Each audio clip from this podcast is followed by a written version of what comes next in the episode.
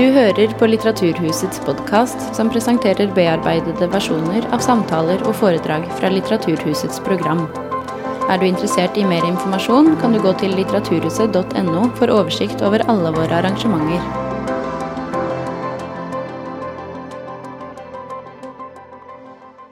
Ja, da skal jeg snakke litt om uh, Jon Fasses uh, dramatikk. Takk.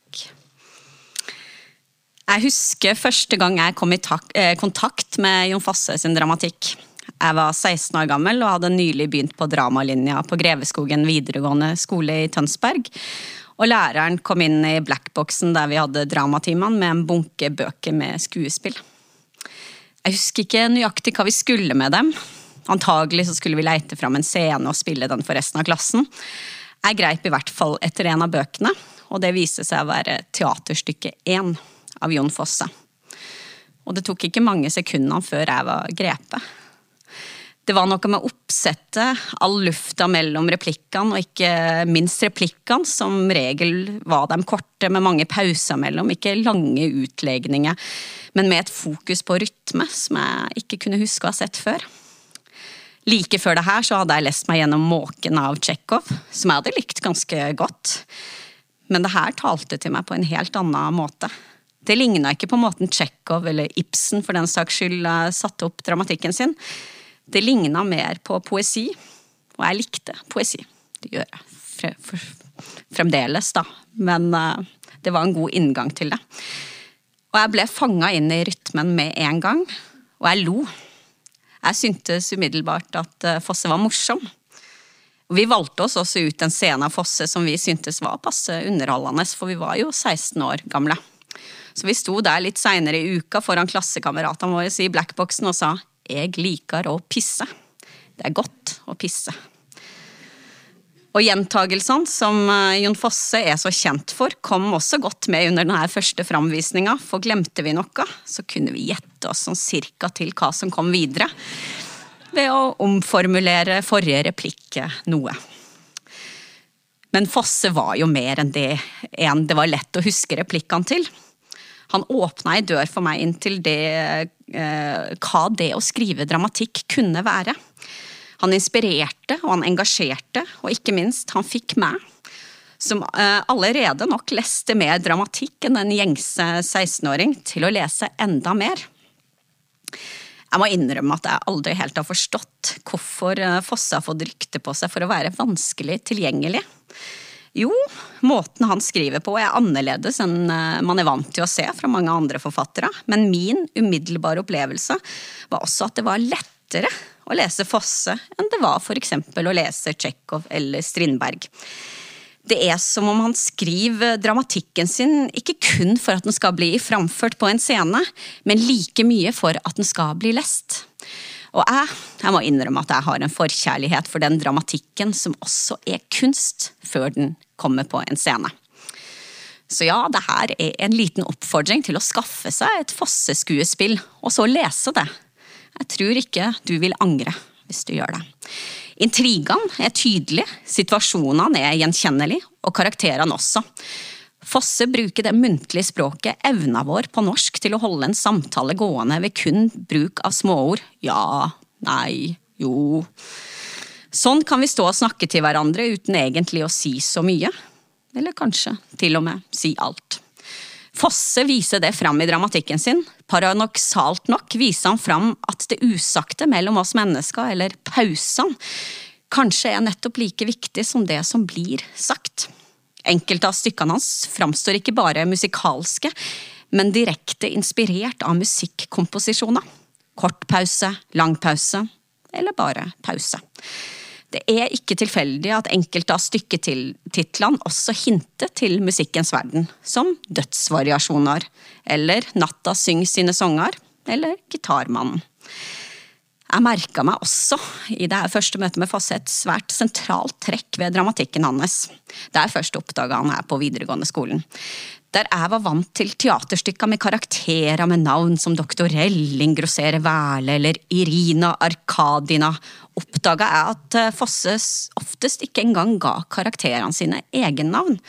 I hans mest kjente stykke, Noen kjem til å komme, er hovedpersonene avspist med rollenavna ho og han, og ikke minst den truende fremmede som får hete Mannen. Det fantes en og annen Asle her og der, og til og med en Bjarne i et stykke, men ellers så møtte man stort sett kvinne, mann, jente, gutt osv. Sjøl når det i teksten viste seg at karakteren faktisk hadde et bestemt fornavn, hendte det likevel at Fosse lot karakterens navn forbli en enkel karakteristikk. Det hendte til og med også at kjønn var utelatt. I eh, Sov du vesle barna mitt heter karakteren bare den første personen, den andre personen osv. Så det her var en dramatikk som talte i mye større grad til ei ung jente på 2000-tallet enn det Ibsens gjorde. Ja, altså ikke et vondt ord om Ibsen, jeg liker han også veldig godt. Men det var klart for meg fra første stund at eh, Jon Fosse sitt prosjekt, det var et annet. Og om man absolutt skulle finne på å sammenligne han med noen fra dramatikkanonen, ville jeg kanskje heller nevnt Samuel Beckett. For referansene til Beckett er tydelig blant annet det her nevnte Noen kommer til å komme, der selve tittelen er et nikk til Vente på Godot. Men igjen, Fosse skriver først og fremst på sitt eget vis. Og Fosse han våger noe som faktisk krever enorm sjøltillit. Han kutter ned språket til det enkle, grunnleggende, og så skriver han likevel veldig ambisiøst. Min fascinasjon for Fosse viste seg å være en varig en. Jeg satte opp stykkene Besøk og Dødsvariasjoner på videregående. Jeg valgte Fosse til det berømte særemnet siste året i norsken. Jeg satte opp atter flere Fosse-tekster da jeg senere flytta til Trondheim for å studere. Og da jeg i 2011 flytta til Paris og Frankrike for å ta en master i teaterstudier, var det bare naturlig at fossefascinasjonen Fosse-fascinasjonen ble med meg i bagasjen. For på studiet på Sorbonne så var han en jevnlig referanse. Tekstene hans ble satt opp på scenen i hele Frankrike. Og jeg skjønte snart at Jon Fosse faktisk kunne takke det nye hjemlandet mitt for sitt internasjonale gjennombrudd. Den gangen, da jeg kom dit, så var det lenge siden det her hadde skjedd. Det var den nå avdøde franske stjerneregissøren Claude Regy som satte opp Noen kjem til å komme, eller Quelqu'un va venir, som stykket heter på fransk, oversatt av Terje Sinding, på den store scenen rett utafor Paris, Nanterre Amandier. Og det er antageligvis den Fosse-tittelen som flest har hørt om fra før av. Den har til og med blitt litt av en vits her og der. I Nåkon kommer til å komme, så møter vi, som nevnt litt tidligere her, ho og han, et par som bærer på en voksende uro, for noen skal jo komme. Noen er på vei, og denne noen kan potensielt ødelegge alt det de har sammen. Det er et stykke som dirrer ettersom uroa vokser, og mannen etter hvert dukker opp. Og det var heldig for Jon Fosse, syns jeg, da, at det var akkurat Claude Regi som skulle introdusere han i Frankrike. For han er spesialisert, eller var spesialisert på et teater med stort rom for den litterære teksten. Eh, Regi var ikke redd for repetisjonene og pausene hos Fosse. Han forsøkte ikke å pakke dem inn i regi, men ga dem enda større plass og rom. Og på den måten fremheva han ytterligere særpreget hos Fosse. Og det det ble en suksess. Kritikerne var over seg, og Fosse sjøl, har jeg kunnet finne ut, var også svært fornøyd med iscenesettelsen av Noen kommer til å komme til regi. Han kjente seg forstått.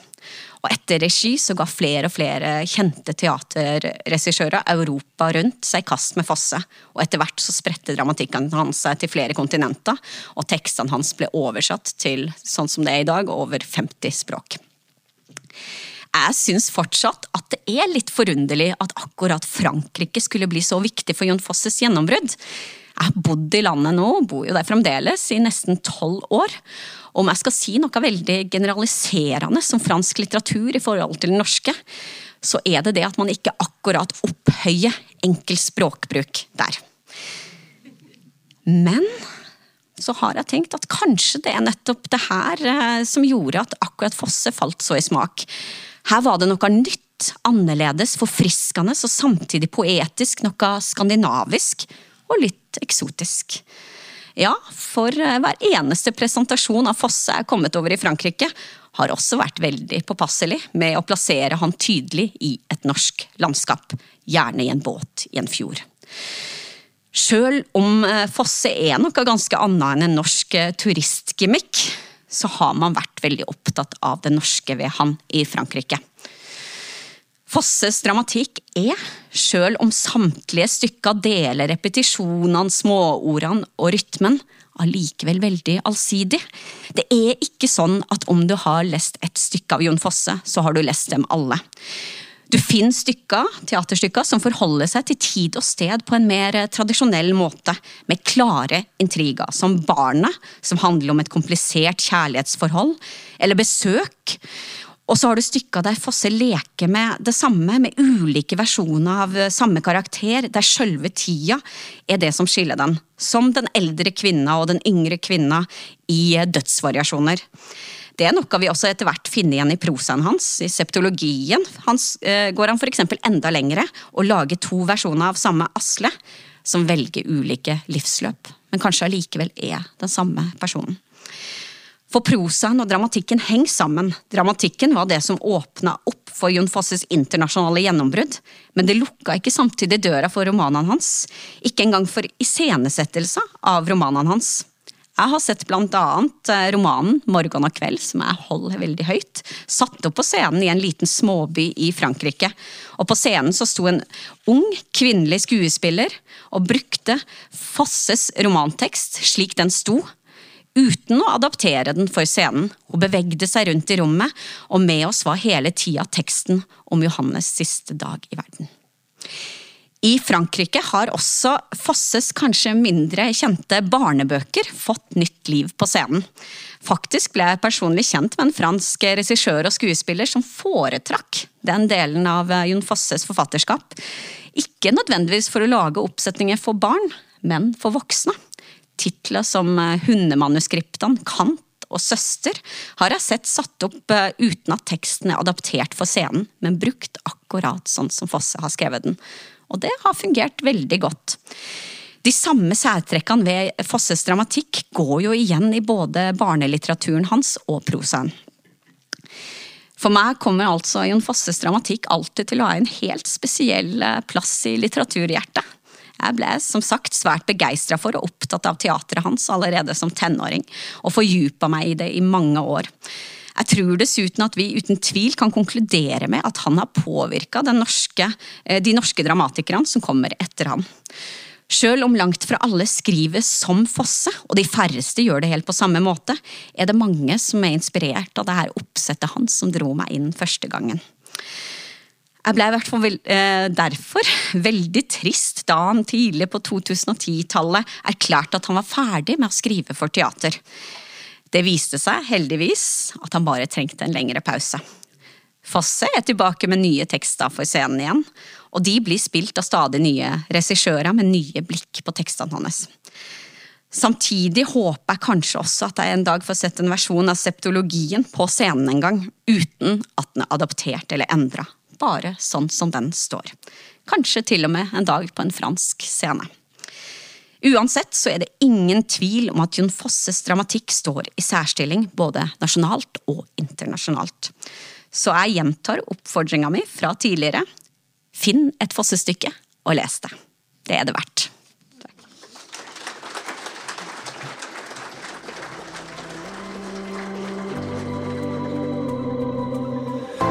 Du har hørt på Litteraturhusets podkast, som presenterer bearbeidede versjoner av samtaler og foredrag fra Litteraturhusets program.